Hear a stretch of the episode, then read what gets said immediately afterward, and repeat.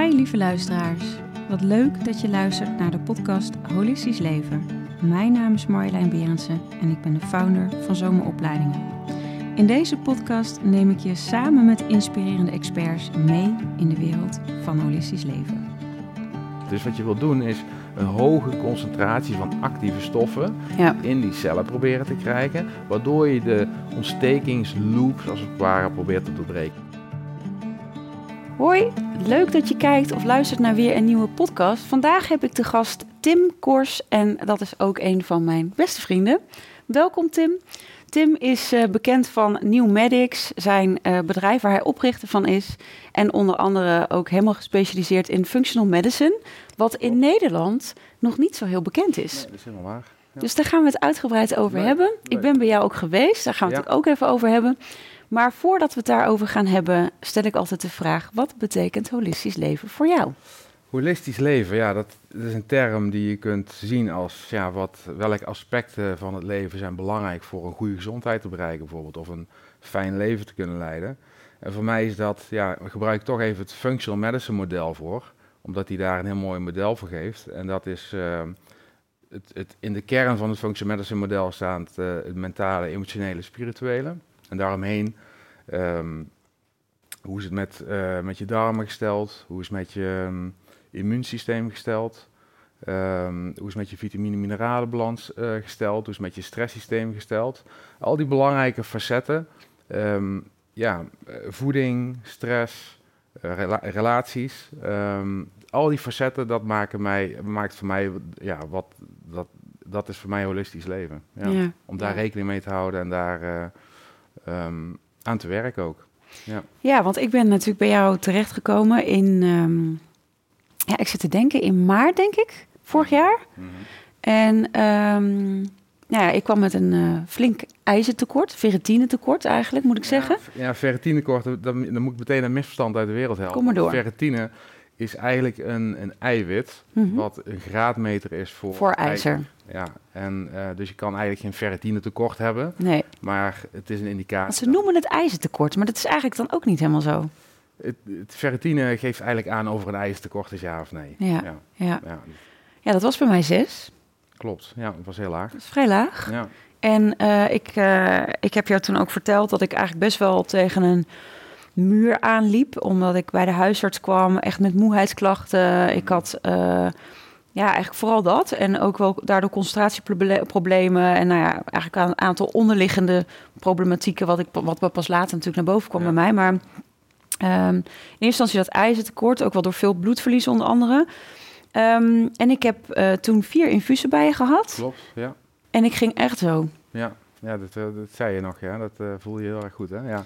Dat is een typisch, typisch vrouwenprobleem, wat zeer, zeer, zeer sterk onderkend wordt nog in, eh, in Nederland. Eh, er lopen naar schatting 40 tot 50 procent van de vrouwen in Europa, moet je nagaan, eh loopt met een vorm van ijzertekort ro- rond, wat dan geen bloedarmoede is. Nee. Want die kunnen los van elkaar bestaan. Ja, klopt, want mijn HB was De. HB was goed, hè? dus de ijzer en de rode bloedcellen is goed. Alleen in andere type cellen van je lichaam, de cellen die energie moeten maken, Ja, daar heb je wel een tekort aan ijzer gehad. En eh, de enige goede manier om dat echt goed op te lossen, zijn ook ijzerinfusen, wat op heden de enige goede oplossing is. ja, Dus ijzersuppletie, waar heel veel vrouwen mee afgescheept worden vaak, ja. dat werkt niet. Nee. Niet afdoende om die, die ijzerwaardes in die cellen dusdanig te verhogen, dat ook weer het energielevel weer terugkomt. Ja, en dat vond ik dus ook bijzonder, want ik weet nog dat ik toen met mijn huisarts het daarover had. Ik kreeg dus die ijzertabletten na drie maanden, want ik was volgens mij in december of zo begonnen. Vorig jaar, of dat jaar ervoor, en dan in maart eh, was hij echt één punt omhoog of zo. Dus Ja. ik dacht, ja, dat schiet natuurlijk Ja. gewoon totaal niet op. En toen had ik het met haar over, mag ik een ijzerinfuus? Toen zegt ze, nee, maar dat doen we niet. Precies. En, en toen ik vertelde dat ik dat ging doen, had ze daar heel veel weerstand bij. Klopt. Ik vond dat heel ingewikkeld. is heel ingewikkeld, ja. En, en de reden waarom daar zoveel weerstand is, omdat het ijzer en fusie worden gezien als iets heel gevaarlijks. Of dat moet je niet zomaar doen. Eh, ook de referentiewaardes die gebruikt worden eh, voor ferritine, die lopen van 10 tot 220 zo'n beetje bij vrouwen. En als je dan met 6 of zo aankomt en de ondergrens is 10, dan lijkt het niet zo'n groot verschil. Maar wat we nu weten, onderzoek uit Zwitserland door eh, professor Schaub heeft uitgewezen dat de optimale ferritinespiegels bij een man en een vrouw zitten tussen de 100 en 120. Dus dan pas kunnen jouw cellen en jouw lichaam dus voldoende energie produceren. En dus dat is, dat is één aspect. Het andere aspect is dat de toedieningswijze van ijzer ook heel erg belangrijk is. Dus wij gebruiken alleen maar laag gedoseerde ijzerinfusie. Dat wil zeggen dat we heel langzaam gaan toewerken naar een optimaal niveau van ferritine 100 120. Als je dat heel langzaam doet, dan heb je niet de traditionele bijwerkingen als je in één keer een hele grote stootkuur geeft van ijzer, wat in het ziekenhuis vaak gedaan wordt. Ja. En dus, dus het is eigenlijk een hele veilige uh, behandeling, een hele effectieve behandeling ook. Uh, de kans dat je dus opknapt met een lage ferritinespiegel uh, en je hebt last van haaruitval, van hoofdpijnklachten, rusteloze benen, depressieklachten, alle typische ijzersymptomen, klachten eigenlijk is, is meer dan 70 procent. Ja, ja. En, en we hebben dat al bij duizenden patiënten uitgevoerd. En dat is met de hand op mijn hart de meest succesvolle behandeling al jaren in onze praktijk. Ja, ja, nou ja, ik heb het zelf gemerkt. En, toen, uh, ja. ja. en toen gingen we eigenlijk verder onderzoeken. En, en dat maakt misschien ook het functional medicine uh, dus ook breder. Is dat ik natuurlijk een hele uitgebreide intake kreeg. We gingen natuurlijk in eerste instantie uh, op die ijzer inzoomen, omdat dat natuurlijk al bekend was bij de huisarts en daar direct ja, uh, resultaat ja. bij konden boeken. Ja, ja precies. La laaghangend fruit noem ik dat altijd. Juist, ja. laaghangend fruit. Maar goed, daarna, uh, wat ik heel erg mooi vond, en dat, dat, vind ik ook fijn voor de luisteraars om, om te delen, is dat, dat het eigenlijk zo nauw ligt ook waarbij wij voor Zoma staan, is zeg maar dat, mm. dat holistische wat je eigenlijk al aangeeft, is is dat je kijkt naar alle aspecten in je leven. Dus hoe zit je in je relatie? Uh, hoe zit je uh, rondom stress? Uh, hoe zit het? Veel, hè? Dus wat, ja. wat, welke dingen komen de familie voor? Ja, ja. en, en trauma's heb je meegemaakt. Precies, nou dat wil ik inderdaad ook aangeven. Welke trauma's heb je meegemaakt? Wat is je eetpatroon? Heb je last van je darmen? Nou, het was echt heel breed. Goed, Precies, dus dat hele beeld. En uh, dat maakte ook dat ik uh, dat er bij mij natuurlijk die laaggradige ontstekingen uitkwamen. Wat dus ook wel bij mij ook door ja. onder andere uh, langdurige stress ook is voorgekomen. Ook vanuit mijn jeugd natuurlijk, trauma's. Maar het gaf mij zo. Ja, het gaf mij ook um, ja, wel een bepaalde. Waar ik natuurlijk al heel erg met spiritualiteit bezig was, gaf het mij ook nog meer inzicht in. Ja, maar hoe uh, heb ik mijn leven dan nu? Nou ja, toen kwam ik natuurlijk bij mij ook met mijn relatie eigenlijk. Uh, uh, nou ja, dat mijn relatie natuurlijk niet, niet lekker liep. We hebben elkaar op Tony nog, bij Tony Robbins nog gezien. Daarna ging mijn relatie natuurlijk uit. En zijn we eigenlijk goede vrienden geworden. Maar ja, zag ik ook wel dat dat dus, ook al leef ik, leefde ik heel erg gezond. Um, gaf ik mezelf elke dag reiki, mediteerde ik, sport ik veel. Ja als je dus ook bijvoorbeeld nog steeds stress in je lijf hebt, dat dat dus nog steeds zichtbaar ook is in je systeem. En dat vond ik vooral ook heel mooi. Heel meetbaar. Heel meetbaar en heel erg te zien van, oké, dus ik kan wel denken dat ik het hier allemaal op orde heb, hmm. maar als ik, in, als ik die, dat wat daaronder zit niet opruim, dan blijft dat dus een, een stuk zitten in mijn systeem. En ik denk dat dat voor heel veel mensen in Nederland geldt, want één op de vijf mensen in Nederland, hè, 20% gemiddeld, heeft te kampen met burn-out klachten. Heel veel. mensen met stress. Ook veel jongeren uh, met depressieve klachten. Ja. Ja, vertel, hoe, hoe, wat, wat kun je daar allemaal aan doen binnen? Ja, stress, stress is, dat is wel een heel belangrijk aspect wat je opdoet. Want stress is natuurlijk een van de belangrijkste componenten waar we ook heel, uh, ja, waar we, die we ook heel duidelijk uitvragen natuurlijk aan alle patiënten die bij ons komen. Maar ook wat, wat vaak een rol speelt in, uh, in alle behandeltrajecten zou je kunnen zeggen. Ja. En stress raakt zoveel elementen in al die belangrijke aspecten van onze gezondheid. Stress zorgt voor darmwandelaatbaarheid. Uh, stress zorgt voor verzwakking van het immuunsysteem. Dus dat je minder goed bacteriën en virussen kan opruimen. Ja. Uh, stress zorgt juist voor verhoging van laaggradige ontstekingen.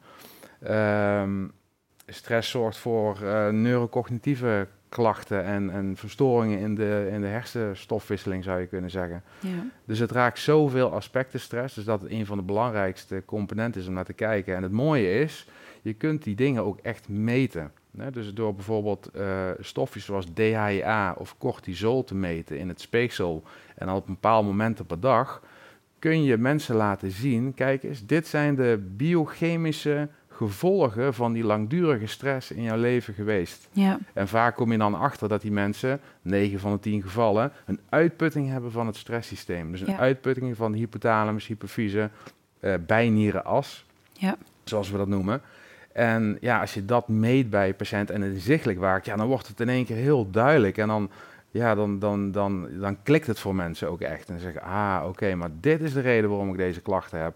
En oké, maar wat, en daar heb je ook een route wat je je kan uitsleppen om mensen daar weer uit te kijken. Dus hoe kun je ze biochemisch ook ondersteunen? natuurlijk zijn al die andere aspecten ook belangrijk. En wat zijn emotionele uh, patronen, um, psycho-educatie, psychotherapie, waarom ben je in die situatie terechtgekomen? Hartstikke belangrijk. Maar dat, dat biochemische stuk, wat heel vaak onder, onderbelicht is, vind ik, uh, waardoor mensen vaak langdurig fysieke klachten blijven houden als gevolg van stress, daar kun je echt iets aan doen.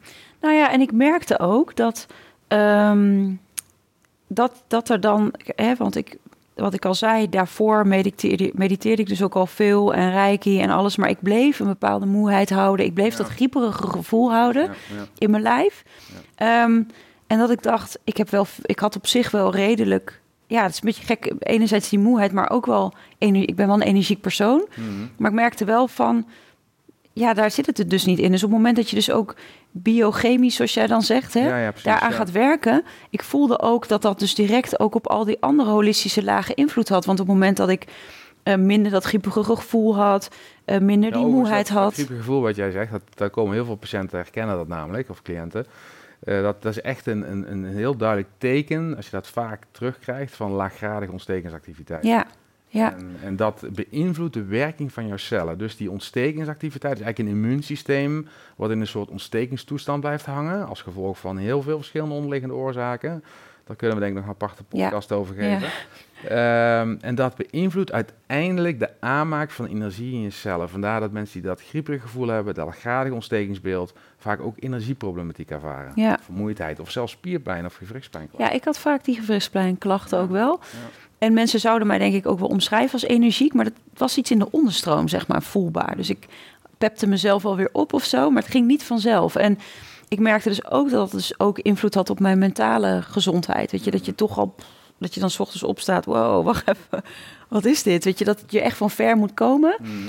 En dat voelt echt als zo'n groot verschil in eigenlijk een vrij relatieve ja. korte tijd. En wat, wat je als behandelplan bij mij bijvoorbeeld hebt ingezet, waren onder andere infusie natuurlijk, maar ook ja. suppletie. Zeker, ja. En, um, uh, maar ook uh, let op voeding. Voeding, absoluut, ja. vertel, hoe is de relatie met de darmen? Want dat vind ik ook denk ik een mooie. Ja, de darmen spelen ook een hoofdrol in, in onze gezondheid. Hè. Daar komen steeds meer uh, studies die dat bewijzen. Ehm, dat als het misgaat in de darmen, dan destabiliseert dat ons hele interne systeem, zou je kunnen zeggen. Ja.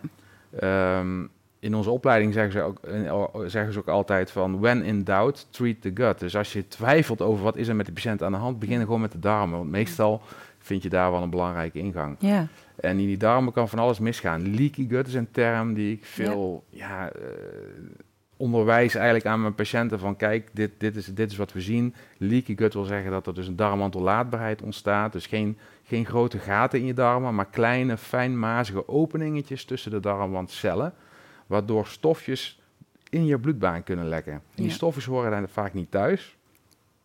En die uh, geven dus een reactie van het immuunsysteem. Als dat maar lang genoeg continu doorgaat, kan dat een systemisch effect worden. Dat bedoelen we mee dat dat dus zich vertaalt naar ontstekingen door het hele lichaam. Ja. En zelfs in de hersenen. Dus dat kan, hè, we weten nu dat depressie een ontstekingsaandoening is. Mm Dus de ontsteking zorgt voor de verstoring in de hersenstofwisseling en de biochemie van tryptofaan en serotonine. Ja.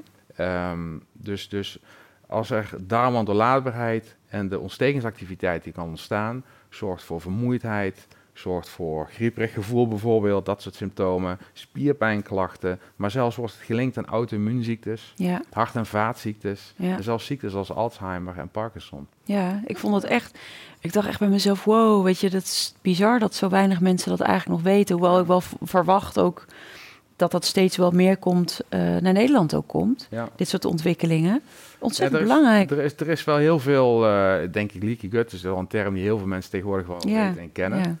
Het gekke is, regulier wordt dat totaal nog niet over gesproken. Nee, Wat, als je kijkt naar PubMed en daar de, de zoekterm leaky gut of darmonderlaatbaarheid in toets, dan komen er heel veel hits uit. Dus je kunt niet meer zeggen dat het geen wetenschappelijke basis heeft.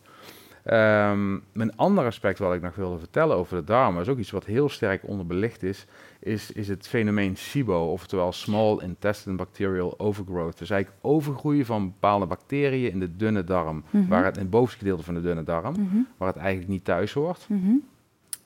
En dat associeert met klachten zoals opgeblazen gevoel, wat heel veel mensen denken wel kennen. Eh, maar ook eh, overmatige winderigheid, veel moeten boeren.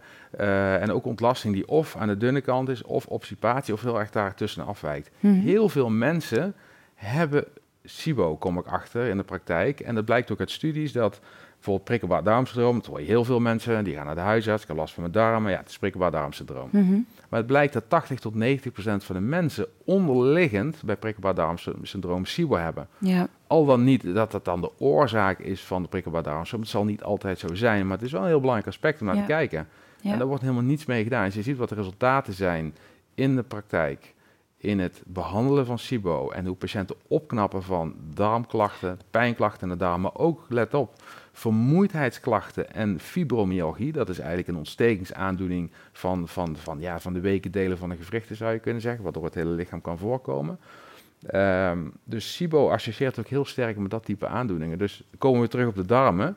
Als je daar dus weet te achterhalen wat daar misgaat en dat op de goede manier behandelt, kun je dus een scala aan klachten behandelen die ogenschijnlijk in eerste instantie niks met elkaar te maken hebben. Nee. Want darmen, fibromyalgie, denk je niet meteen Denk je aan. niet snel aan, nee. Nee. nee. nee. en wij, ik heb toen ook het eh, FODMAP-dieet eh, gevolgd, Ja, een tijd. ja, Eh, Dus daarmee sluit je een hele hoop uit, waaronder gluten, waaronder ehm, eh, melkproducten. maar goed, eigenlijk best wel veel. Zeker. Ja, en ik moet zeggen dat ik daar ook in die periode heel veel baat bij heb gehad. ja, ja. En nu bouw je dan langzamerhand weer op. Kun je daar wat over uitleggen? Nou, dus, eh, dat, dat sluit een beetje aan wat ik net vertelde. Ehm SIBO dus, is iets waar we bij jou ook op getest hebben. Ja. Dat mag ik wel zeggen, toch? Ja, tuurlijk. Kom maar door. En eh, dat kwam er bij jou ook uit. En- Fibromyalgie-klachten ook. Hè? Ja, Dat, ja.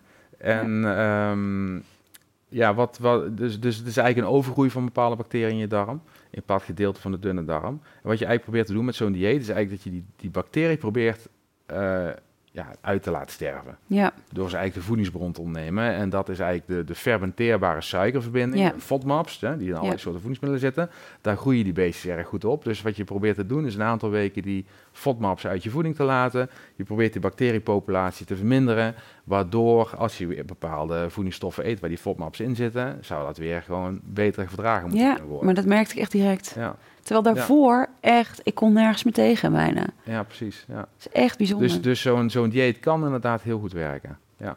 Ja, en daar gebruik je vaak ook met producten om bacteriën te doden, bijvoorbeeld. Ja, natuurlijke die middelen Precies. om ja. bacteriën te doden. Hoef je maar een korte periode te doen.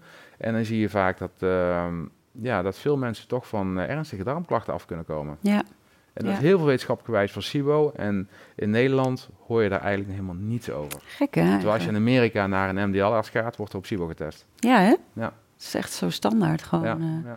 ja wat dat betreft eh, is er nog heel wat eh, aan te Ja, gaan. darm en pre- en probiotica inzetten, dat zijn hele slimme dingen om te doen om, de- om, hè, om de darm weer beter te krijgen. En, ehm, en ook dingen die je makkelijk zelf thuis kan doen. Hè. Dus gefermenteerde voedingsmiddelen, zoals kimchi blijkt uit de laatste Ja. studies bijvoorbeeld, by far beats eh, probiotica. Ja hè? Ja, dus dat werkt veel beter eh, dan probiotica om je Ja. darmflora te herstellen. Ja. Het zijn dingen die we zelf kunnen doen, die we kunnen im- implementeren in ons voedingspatroon. Ja, Waarbij we geen supplementen in vorm van probiotica hoeven in te nemen. precies. Dat kun je zelf... eh. Ja. Hey, en andere dingen die jij nog binnen functional medicine horen en binnen New Medics doet, Hmm. wat we nog niet hebben besproken? Ehm, ja, wat doen we allemaal? Ehm, nou, misschien een van de belangrijke aspecten is ook, eh, en dat noem ik ook altijd het laaghangend fruit.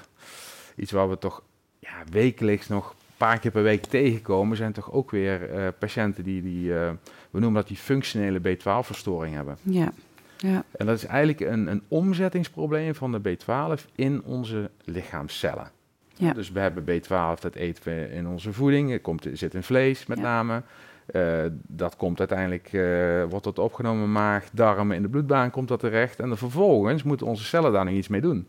Je moet als het ware ook biochemisch een beetje aan sleutelen. Ja. Een beetje veranderd worden. En dan pas kan het, is het geschikt eigenlijk voor uh, de celstofwisseling, zoals Ja. mitochondriale functie, de aanmaak van energie in onze cellen.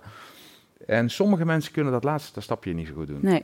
En dat kun je meten in je bloed, homocysteïne, methylmalonzuur in de urine kun je meten. En dan kun je zien of die omzettingsproblemen, om, omzettingsproblemen er zijn. Ja.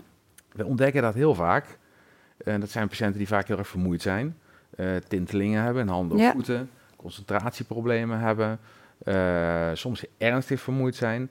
En eh, ja, het, is, het blijft toch altijd weer wonderbaarlijk te zien als je dan die, die juiste omgezette vormen van B12 gaat toedienen, al dan niet met injecties of eh, met, met supplementen, kun je vaak eh, hele mooie resultaten boeken en met ja. niet al te ingewikkelde ingrepen Nee. die ook niet heel veel hoeven te kosten. Nee. nee. En dat zijn ook dingen die regulier niet goed zo- onderzocht nee, worden. Nee. En die mensen die gaan dan met klachten naar de huisarts. eh, en, en, en, en, ja, en daar wordt maar heel beperkt onderzoek gedaan. Eh, Een homocysteïne wordt vaak niet eens gemeten of een methylmalonzuur. Ehm, terwijl je, als je dat wel zou doen, dan zou je een hele gro- grote groep patiënten vangen die nu eigenlijk onnodig met klachten blijven rondlopen. Ja. Die simpel, relatief simpel, voor ons relatief simpel Ja. op te zijn, zoals wij er naar kijken. Ja. En dan zou met weer, mijn optiek zou dat ja, wat breder gedragen mogen worden. Ja. Ja, Ja. Ik moet wel zeggen, daar had ik wel iets van bijwerkingen van. ja de B12, ja, Ja. dat kan soms wel Ja, dat kan wel eens voorkomen, hè? Het is maar net welke vorm van Ja. B12 je geeft. En, eh, dus dat, eh, dat is iets wat je soms moet uittesten. Ja. En een beetje trial and error doen. Maar het, Ja. het Viel wel mee, hoor, maar, Die, eh, die, die reageert er gelukkig goed op. Ja. Ja. De reactie zelf doet wel een beetje pijn. Maar. Nou, vond ik niet. Nee, Nee, nee, nee, nee, nee. Dat, had- daar had ik geen last van eigenlijk. Ja, nou, ik dacht, hm, oh ja. Ja. Maar eh, nee, maar het is meer denk ik, eh, ja, even wat, wat eh, ja, ik merkte vaak even na zo'n infuus of iets, of, of ieder geval na zo'n injectie, dat ik even, even een paar dagen even moest bijkomen. ik denk Ja. dat dat misschien wel mooi is voor mensen om te weten dat als je daarmee start, dat, nou, dat je daar je lichaam ook op kan reageren. Niet als zijnde dat het niet goed is, maar ook Ja, om, dat je lichaam moet weer opnieuw. ja, meer opnieuw balans vinden Ja, zo, Ja. zo heb ik het ervaren. En je wil wel wegblijven van, van al, te, al te sterke reacties eh, Ja. bij patiënten over het algemeen. Die wil ook niet eh, uit de bocht vliegen, maar Soms eh, moet je gewoon kijken welke dosering past het beste. Overigens wil ik er wel bij zeggen dat we niet standaard iedereen aan een infuus koppelen bij ons. Het Nee. doen alleen maar als dat nodig als is. het echt nodig is. Nou was ik wel echt ver van huis. Ja, soms, soms heb, je, heb je inderdaad wat, ik zeg altijd, wat meer punching power nodig. ja.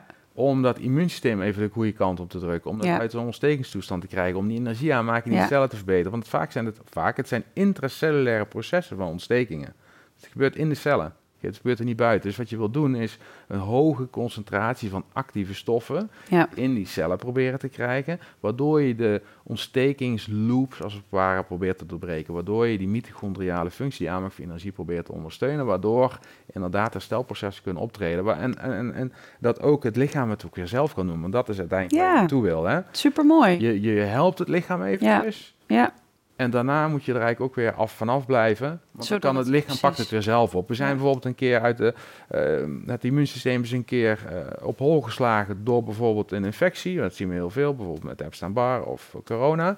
Dat blijft in een ontstekingstoestand hangen. Oké, hoe kunnen we het lichaam helpen Ja. om weer die natuurlijke balans te vinden? Ja. Om het dat het vervolgens weer Ja. zelf kan doen. Zo, Ah, zo moet je het eigenlijk zien. ja, en dat, maar zo heb ik het ook ervaren hoor. Het Ja. was echt een soort van goede duw in de richting. Precies. En dan Ja. voel je op een gegeven moment dat hij weer langzamerhand begint te lopen. En op een gegeven moment als het dieseltje op gang komt, dan, Ja. dan, dan rijdt de trein weer. En sommige mensen eh, zullen daar, ook, zullen daar uiteindelijk ook zelf eh, op, in, op, op, op, dat punt komen. Het duurt misschien iets langer. Ja, En ik denk met sommige methodes die we in huis hebben, kunnen we dat proces gewoon een beetje versnellen. ja. Ja, wat maar je zei Kimchi. stuk, snap? Nee, nee nou, dat vond ik ook gewoon mooi Ja. om te zien. En Ja. dat het gewoon het voelde bijna alsof het in een soort van ja, verkramping zat of zo. Alsof het dus ook, hoe gezond ik ook at, het werd niet meer goed opgenomen. Weet je, ik voelde gewoon dat het, ja, alsof het een beetje vast zat en, en weer in beweging mocht komen. Dus dat eh, ja, heb ik heel, erg heel erg eh, prettig ervaren. En je zei ook al, eh, je noemde net al even COVID, hè? Ja. mensen met long-COVID. Hoe, hoe Ja. behandel je deze groep?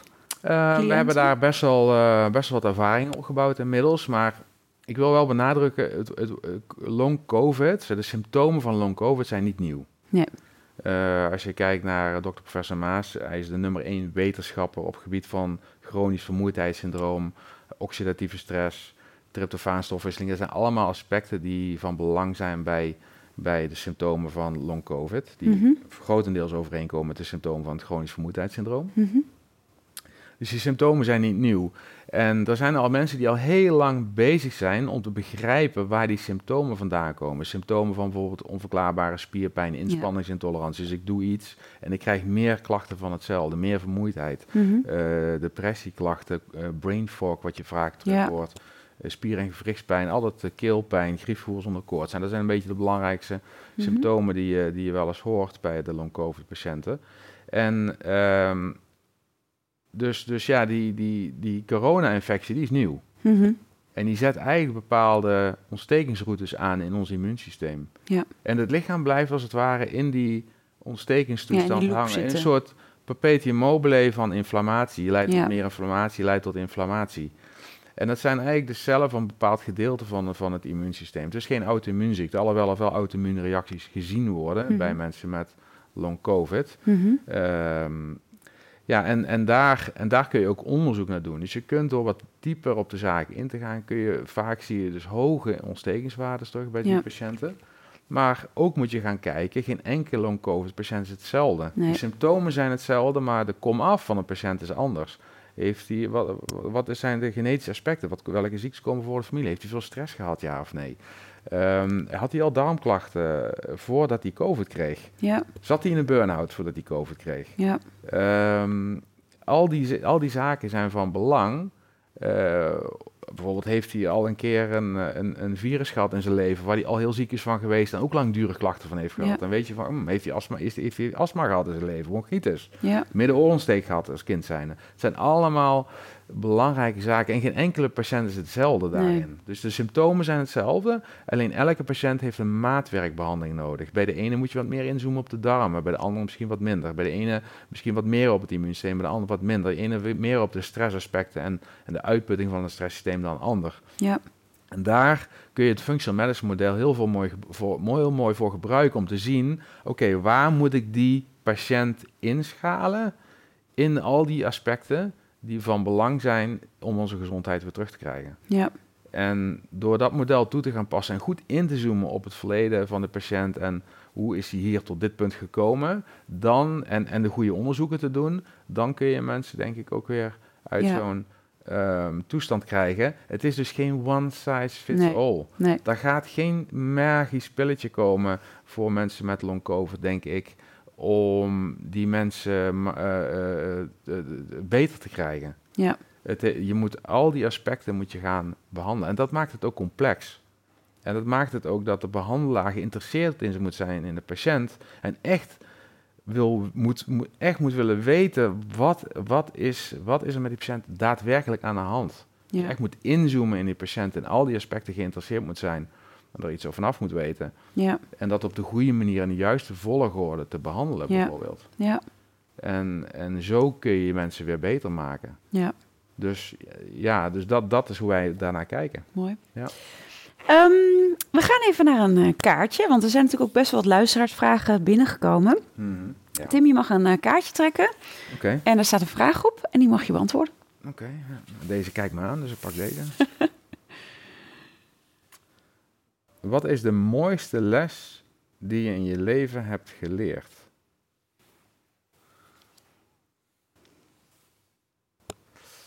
Ehm, ik denk de mooiste les die ik in mijn leven heb geleerd is dat je moet vertrouwen of kunt vertrouwen in jezelf. Ja.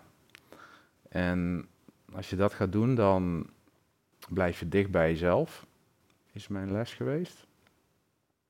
En dan, ehm, ja, dan, dan, dan gebeuren er dus hele mooie dingen. Hmm, Ja. mooi. Dankjewel. Het is ook zo. Ja, dat is ook zo. Het is wel leuk, eh, mensen, want eh, Tim en ik hebben elkaar natuurlijk ontmoet ook bij Tony. En wij, Ja. eh, wij moedigen elkaar ook elke keer aan om 's ochtends te primen, onder andere. En ik moet zeggen, als jij zegt ook vertrouwen op jezelf, ook momenten dat je wat lager zit of Ja, precies. dat je ook je, je state, ja, ja, je, je, ja, jouw eigen verantwoordelijkheid zo houdt om ook daar verantwoordelijkheid voor te nemen voor jouw geluk, voor jou, Ja. Jouw waarheid le- te leven, jouw zijn te leven. En dat, eh, En, Ja. Ja, en, en, en te beseffen dat die stemmetjes van ik kan het niet, eh, of, of als je ergens bang voor bent, dat dat eigenlijk stemmetjes zijn die ja, niet echt tot jouw kern horen. Nee. En dat je ook naar die andere stem mag luisteren van je kan het juist wel. Ja. En ga ervoor. En, Ja. ja, dat je gewoon wel die confidence hebt om elke dag weer ehm, het beste te geven. Ja. En elke dag ook weer ehm, ja, nieuwe dingen te leren. Ja. Te blijven groeien. Te blijven groeien. Ja. Ja. En bij te dragen. Ja. Ja, dat hebben Ja. we allebei eh, heel Ja, sterk eh, bijdragen en, eh, en te blijven, willen blijven groeien. Even een kleine break tijdens de podcast Holistisch Leven. Nieuw namelijk bij Zomeropleiding is de opleiding tot spiritueel coach. Waarbij je jouw unieke, intuïtieve en mediamieke gaven in kan zetten om mensen te begeleiden naar meer bewustwording. Wil je ook bijdragen aan een nieuwe wereld en wil je aan de slag met heling, multidimensionaliteit en spirituele groei? Kijk dan op www.zoma-opleidingen.nl voor onze locaties en startdata.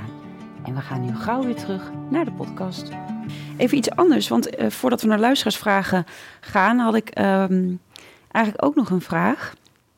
Ehm, voor mensen eh, die bijvoorbeeld eigenlijk best wel goed al op een gegeven moment in hun systeem zitten of in hun vel zitten. Wat zou jij aanraden om in ieder geval bijvoorbeeld aan supplementen of bepaalde ondersteuning van het lichaam te doen om, eh, ja, om eigenlijk in, die- in de juiste flow te blijven? Ik weet dat, ehm, ehm, hoe heet het nou? Die, die, die gore, die druffeltjes, nee, hoe heet dat nou ook weer? Wat ik altijd zo vies vind. Oh ja, visolie. Visolie. Oh, ja, ja, ja, ja. Dat is er bijvoorbeeld eentje die echt voor, Zeker. voor, eigenlijk voor dagelijks gebruik voor iedereen wel fijn is, toch? 100%. Ja, ja je gaat terug, terug naar de basis, zeg ik altijd. Dus we doen duizenden bloedonderzoeken per jaar bij onze patiënten. Wat Ja. ik standaard terugzie, je gaat ook trends dan zien bij Ja, patiënten. Nou. Iedereen heeft een tekort aan omega-3 vetzuren, Ja. zou je haast kunnen zeggen. Ja, Omega-3 vetzuren zijn een van de belangrijkste stoffen voor ontstekingen tegen te gaan, voor de opbouw van onze celmembranen. Eh, het werkt beter dan, eh, dan eh, antidepressiva voor het behandelen van depressie van mensen met een milde depressie. ja, Dus dat raakt zoveel aspecten van onze gezondheid. En zoveel mensen hebben tekort. Omega-3, by far. ja. Gebruik het gewoon elke dag. En het liefst eh, liquid, zeg maar, hè, vloeibaar. Ja, liquid of capsules werken ook. Of een algeolie heb je tegenwoordig Ja. goede. Dus, eh, Ja, ik vind het wel, Ja. ik vind het wel goed. en, en vitamine D is ook Ja, hè, vitamine D. Iedereen, bijna iedereen heeft tekort aan vitamine D. Of suboptimaal vitamine D zou ik misschien beter kunnen, kunnen Ja. zeggen. Hartstikke belangrijk voor je immuunsysteem. Ehm, ja, ook belangrijk voor, eh, voor je hersenfuncties, voor je celfuncties. Dus energie aanmaken in je cellen. Dus ja, vitamine D. Ehm, neem het gewoon voldoende in. en meet dat ook gewoon regelmatig. Ja, hè? Ja, zeker. En magnesium?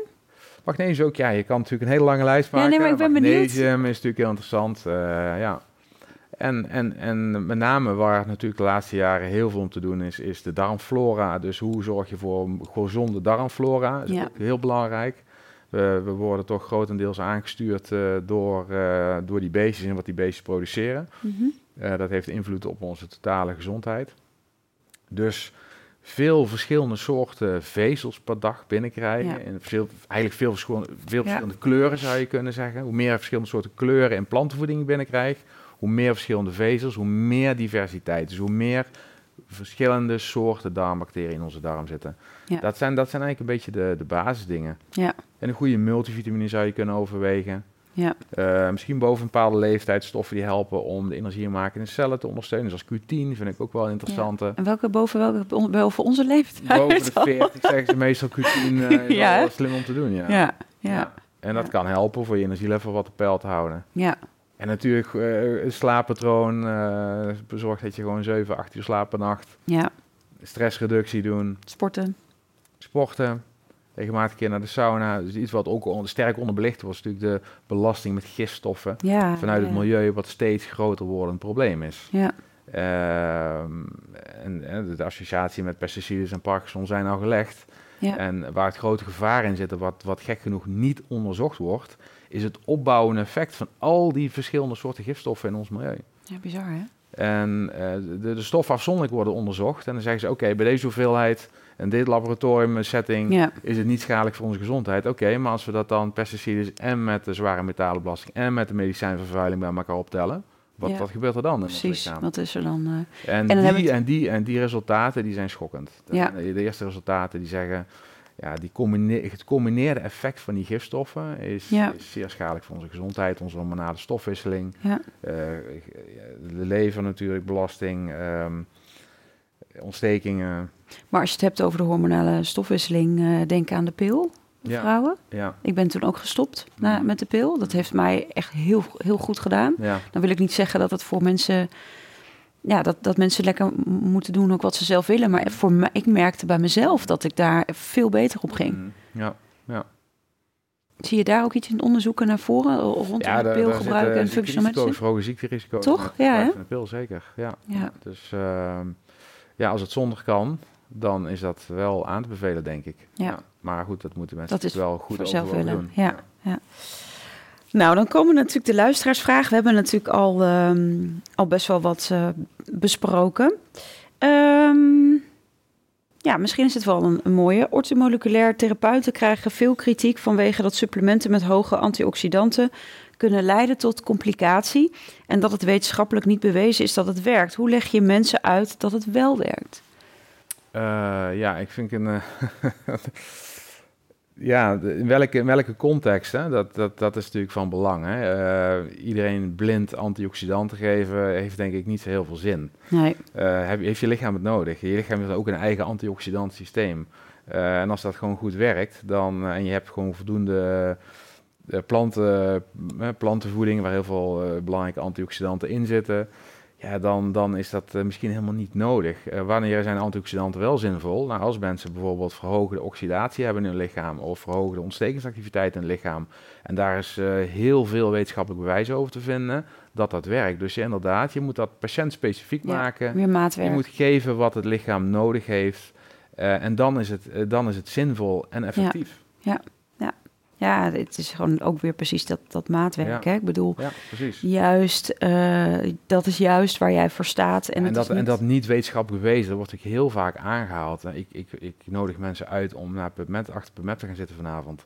En de rol van antioxidanten in verschillende aandoeningen zelf te gaan onderzoeken. Ja. En je zult zien bij hoeveel aandoeningen en auto-immuunziektes het absoluut zin heeft. echt een rol eh, speelt. Ja, ja. Gewoon zinvol Ja. is om te doen.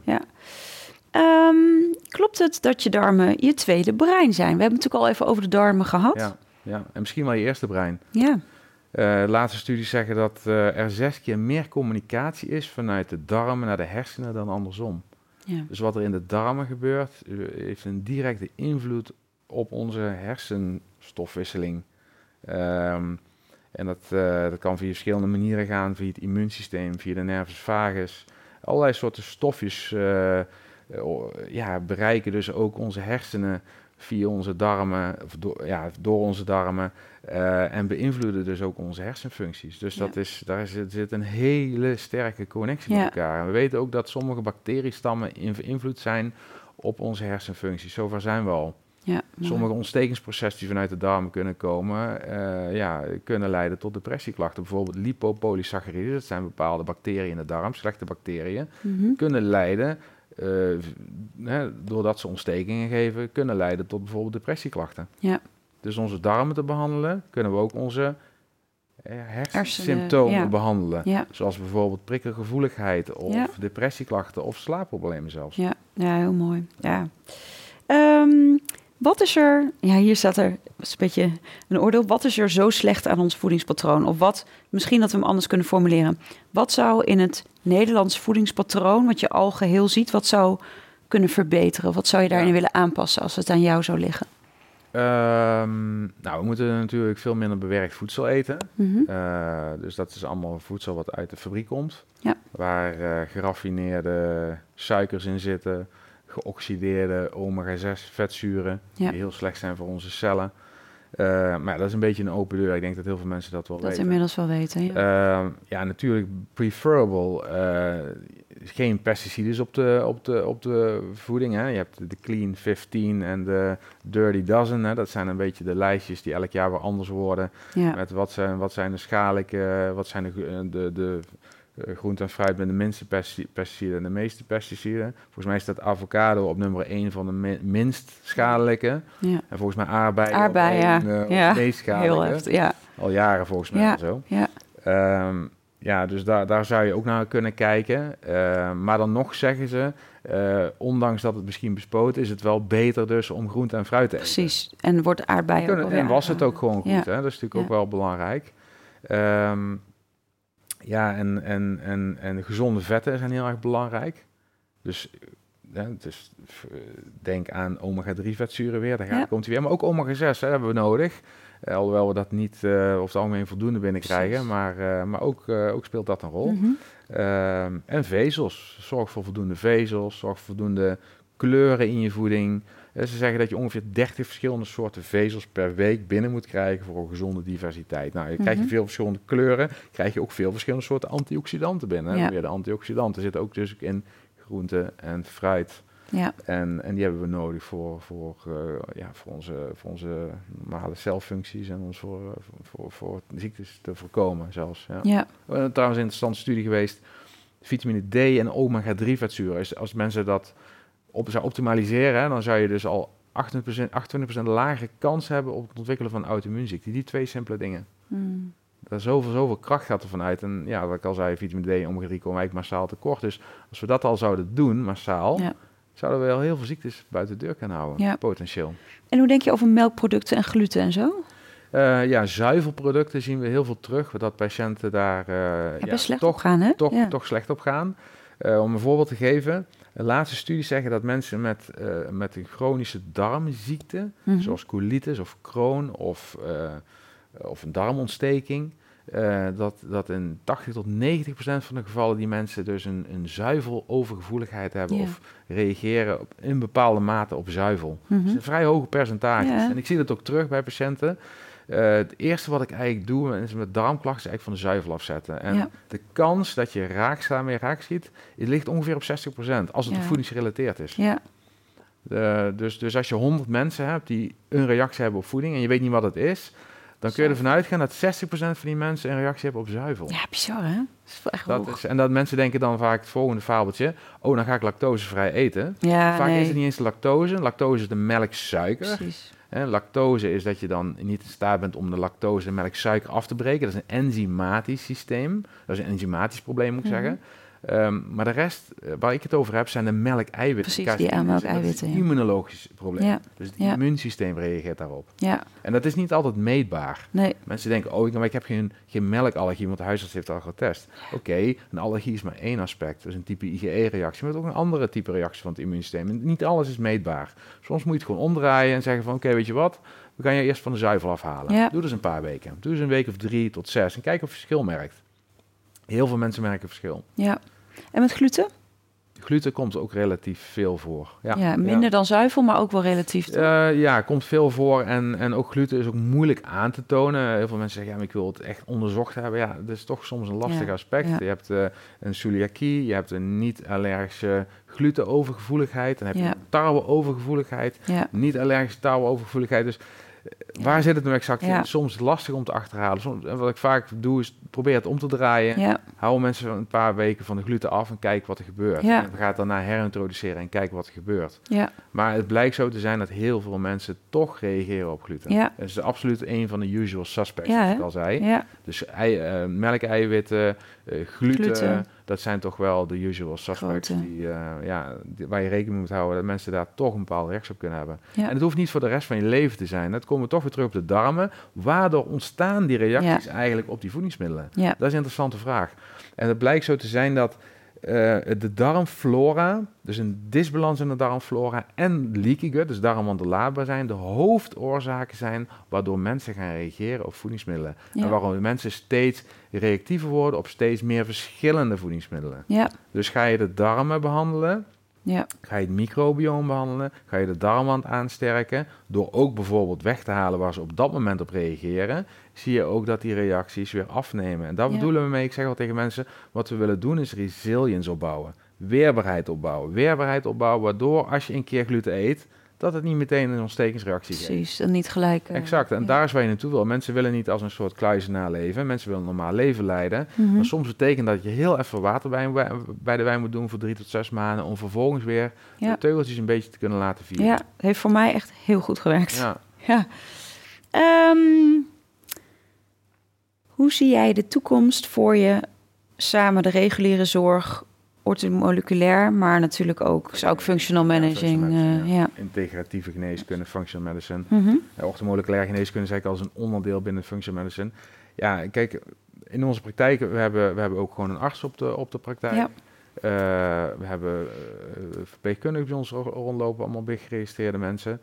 Dus wij, werken, wij hebben eigenlijk al een soort samenwerking, zou je kunnen zeggen, met, met regulier.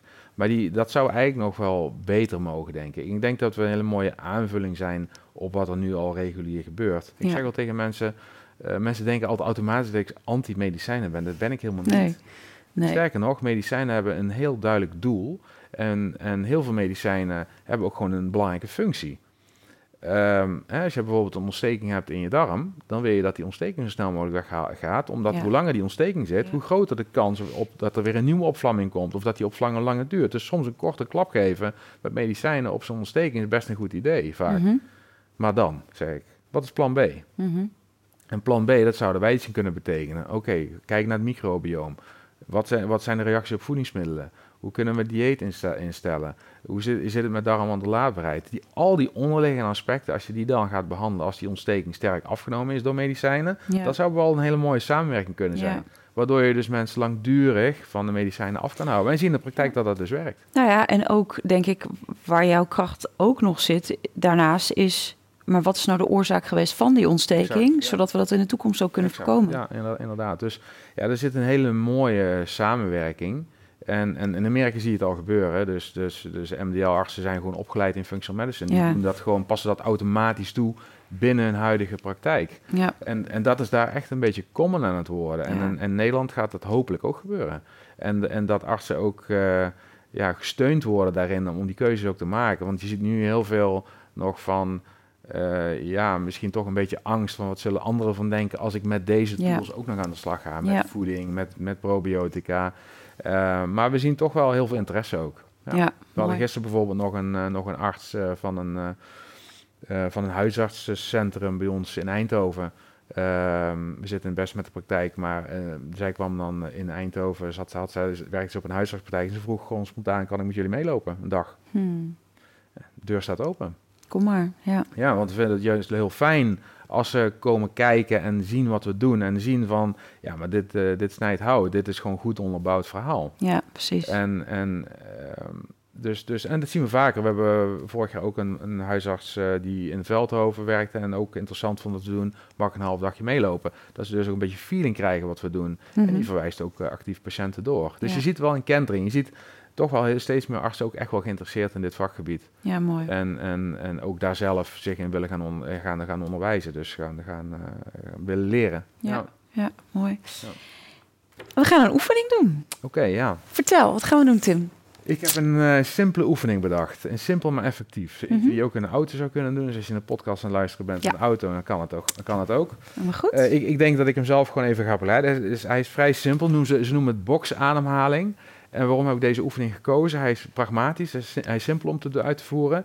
En hij blijkt zeer effectief te zijn in ons, ehm eh, ons stresssysteem. eh, eigenlijk weer ons lichaam uit een stresssituatie te krijgen. Mhm. Dus eigenlijk ons, eh, ons parasympathicus, ons parasympathisch zenuwstelsel te activeren. Mhm. En de boksademhaling gaat als volgt. Ehm, je ehm, ademt vier seconden in, hou je vier seconden vast. Vier seconden uit, vier seconden vast, vier seconden in. Want dat is eigenlijk een box. Mhm. Ehm, dus zal ik hem, eh, zal ik hem inleiden? Ja, mag ik? eh, ja, ga ik met je meedoen. Oké, nou, eh, probeer lekker een beetje relaxed te zitten. En eh, bla, adem helemaal uit. Oké, en dan adem je vier seconden in. 1, 2, 3, 4. In mijn neus gewoon. Ja, Ja? 4 seconden vast. 1, 2, 3, 4. 4 seconden uit. M- via mijn neus, mijn mond. Via je neus of mond, maakt niet uit. Oké. Uit. 1, 2, 3, 4. 4 seconden vast. 1, 2, 3, 4. 4 seconden in. 1, 2, 3, 4. 4 seconden vast. 1, 2, 3, vier, vier seconden uit. 1, 2, 3, 4. Nou, zo kun je nog wel even doorgaan. Ja. maar dit, dit is een, een, simpele techniek die ook door uh, Navy SEALs wordt gebruikt. In stressvolle situaties terechtkomen. En uh, ja, om eigenlijk meteen eigenlijk dat, dat sympathisch zenuwstelsel te activeren. En letterlijk direct uit de stresssituatie komen. Stress is natuurlijk waar we mee begonnen al groot probleem in deze Ja. wereld. Ja. Ja, dit elke dag even te doen. Als je in de auto zit, kun je het overal doen. Of als je even gestrest bent, kun je deze er even bij halen. Simpel te onthouden. Vier Maar- seconden. Maar het maakt dus niet uit via je neus of je mond. Want, ik, Nee, ik- maakt niet want- uit. Want daar heb je Nee. best wel wat variaties natuurlijk Nee, tussen zitten. Oké, nee. Dus, Het is eh, echt om... eh, Ja. ja, fijn. dus die tools zijn eh, simpel, Maar toch zeer effectief. zeer effectief. Ja. Ja, mooi. Mooi, mooi, eh, mooi Tim, wat je, wat je zo aandraagt, ook voor mensen thuis. Heel praktisch en Mm. eh, ja, fijn. Ehm, zijn er nog zaken waar we het nog niet over hebben gehad, maar waarvan je wel zegt, daar wil ik het nog over hebben? Dat is misschien nog mooi om licht op te schijnen. Ehm, ja, er is nog zoveel over te praten eigenlijk, hè? Ja. Ehm, nou ja, wat misschien, misschien wat toch meer onderbelicht is geweest, waar we toch echt wel voor staan, is dat we ook ja, vragen aan mensen van, ben je gelukkig? Hm. Eh, wat, wat, ehm, hoe is het met je relaties? Eh, waar loop je misschien op vast? Eh, dat we mensen ook wel actief activeren of adviseren om bijvoorbeeld iets te gaan doen met psycho-educatie of met mindfulness-based cognitieve therapie of schematherapie of nou, welke vo- therapievormen er ook zijn om mensen wat meer bewust te maken van hun eigen ja, patronen zou je kunnen Mhm. zeggen. En eh, ja, dat het wel een heel belangrijk aspect is ook. Ja. Ja. Dus ehm, ehm, misschien is het goed om nog even te belichten dat, eh, ja, dat ik mensen daar ook altijd weer... Ik merk toch altijd mensen ook wel weer een beetje daarvoor, eh, misschien even terugdeinzen, vaak toch wel op zoek zijn naar, oké, jij, geef, me, geef me maar iets en Ja. dan word ik beter. Ja, En terwijl ja, in de functional medicine dat echt een samenwerking is. Hè? Dus ik, ik, ik sta niet boven de patiënt. We staan, ik ben met de patiënt samen aan het kijken van oké, hoe kunnen we jou ehm, in een, eh, gezond krijgen? Ja. Eh, optimaal gezond krijgen. Dus ook de mind speelt een hele belangrijke rol daarin. En de power van de mind is niet te onderschatten. nee, Nee, die dokter Sauner, waar ik met jou wel eens over gehad heb, ja, is een Amerikaanse arts. Die heeft een boek geschreven. Ehm, en mensen, als mensen een boek lezen, komen 85% van de mensen van, met, van lage rugklachten van een lage rugklachtenpijn af. Eh, puur door te begrijpen hoe onze onderdrukte emoties leiden tot fysieke symptomen. En die symptomen zijn echt. Het is niet zo dat, het, dat de hersenen die bedenken die symptomen. Die symptomen zijn echt. Die kun je ook mee, het zijn ook meetbare fysiologische veranderingen op de plekken waar de pijn zit. Maar de oorzaak ligt in onze onderdrukte emoties. ja. En dat is, een boek is zo'n eye-opener voor mij geweest. Ehm, ja, de power van de mind is, is gigantisch. Ja, want je hebt toen zelf ook rugklachten gehad, toch? Ja, lage rugklachten, ja, hele jarenlang. Ja, en je, hebt, Ja. je kan nu weer eh, Bijna, behoorlijk... nul, eh, bijna 0%. en Het bijna... boek, het boek is daar eh, zeer, zeer een grote deel aan bijgedragen. Ja. ja. Ja. vond ik zo tof. En het interessante in het boek is dat, dat je, de- hij zegt dus, je hoeft ook niet per se te gaan graven in dat onderbewuste, waar vaak die onderdrukte emoties liggen opgeslagen, om van die pijnklachten af te komen. Puur het mechanisme begrijpen hoe onze mind dat doet, Ja, is al voldoende. ja, En daarmee zeg je eigenlijk tegen je mind, ik heb je door. ja, Je hoeft, je hoeft niet meer... Het is oké. meer- Het is oké, je hoeft het niet meer ja, tegen me te gebruiken haast. ja, ja, En dat is, dat is mind-boggling. ja. Ehm, dus dat vond ik eh, misschien een leuke aanvulling. Ja, hele mooie aanvulling. Ja. Nou ja, en ik vond het ook wel stoer. Ik heb natuurlijk eh, foto van je gezien dat je een deadlift deed van eh 100. Ja, eh. dat, en dat was wel bewijs, eerlijk gezegd. Nou, voor mij, weet je, dat, Ja. ik had echt Ja. iets van, vond het zo tof. Ja, want ik, ik zat altijd tegen, tegen 50 kilo deadlift aan. En dan moet je dus iets oppakken met, eh, van de grond met een gebogen rug. Ja, En nou, als ik daar iets omheen ging, dacht ik, oeh, rugpijn. En, en in één keer ging ik door dat glazen plafond. En niet eens door het glazen plafond, het ging in 100 Ja. kilo. ja. Toen ging ik naar 110 en toen 120. Dus Nou, dat heb je mij nog niet eens verteld. Kun je nagaan. we zijn weer een paar maanden verder. Ja, dat is waar. Dus, eh, Ja, dus voor mij heeft dat boek wel echt gewerkt. Ja. Ja. Heel veel mensen. Het is ongelooflijk dat niemand daar weet van heeft. ja. Van dat Nog soort één keer de titel? Want hij is niet in het Nederlands nog? Ehm, ja, volgens mij hij heeft verschillende boeken geschreven, maar volgens mij de, de Healing Back Pain Ja. van Dr. Sarno. Ja, Sarno, ja. Hij leeft helaas niet meer, maar eh, bijzonder, bijzondere arts. Ja. Ja, Ja. mooi. Ja. Mooie tip. Ehm, nou, mensen kunnen je vinden natuurlijk bij eh New Medics. Dus als ze vragen hebben, kunnen ze jou ook rechtstreeks benaderen. Tim? Ja, we werken eh, altijd via een adviesgesprek. Dus mensen kunnen naar die, via de website oranje button in klikken, klikken, kunnen ze een adviesgesprek aanvragen. Bellen we altijd netjes even terug, of ikzelf of mijn collega. En dan eh, nemen we wel even de situatie door. En dan eh, kunnen we ook eh, bepalen van, nou, kunnen we jou verder helpen, ja of nee? Ja, Ja. mooi. Mooi. We hebben ook een test gemaakt, een, een, een soort quiz, waarbij we een eerste screening kunnen doen van, goh, waar komen je symptomen mogelijkerwijs vandaan? Ja, En misschien wel leuk voor mensen om die test gewoon even te doen. Dan Ja. kun je misschien al een eerste stapje om meer inzicht te krijgen van, hé, hey, wat waar, waar, waar kunnen mijn, on- mijn symptomen onderliggend mee te maken hebben? ja, mooi.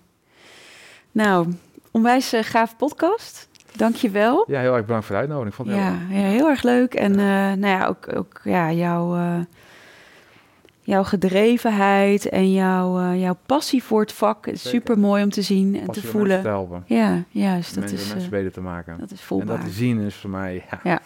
een gift gewoon elke dag. Ja, en die missie delen we al Ja, op ja, een ander zeker, vlak. dat En is dat, is mooi. Ja, ja. mooi. Dankjewel. Graag gedaan. Dankjewel, lieve luisteraars, kijkers van weer een podcast. Ehm, ik hoop dat je ook van deze podcast hebt genoten. Heel veel informatie. Leuk om, eh, om daar eens naar verder te kijken. Laat weten wat je van deze podcast vond. En dan zie ik je graag volgende week weer terug. Doeg! Dankjewel voor het luisteren naar de podcast Holistisch Leven. Holistisch Leven is een prachtige ontdekkingsreis. We reiken je graag de tools en kennis aan om je in deze reis te begeleiden. Ben jij door deze podcast geïnspireerd om de volgende stap richting een holistisch leven te zetten? Kijk dan op onze website www.zoma-opleidingen.nl voor meer informatie over de cursussen en opleidingen die we aanbieden. Je kunt je daar ook inschrijven voor onze nieuwsbrief. En vind je deze podcast leuk? Volg ons dan via je favoriete podcast-app of abonneer je op ons YouTube-kanaal. Zo verspreiden wij samen meer licht, liefde en bewustwording. En maken we de wereld een stukje mooier. Tot volgende week!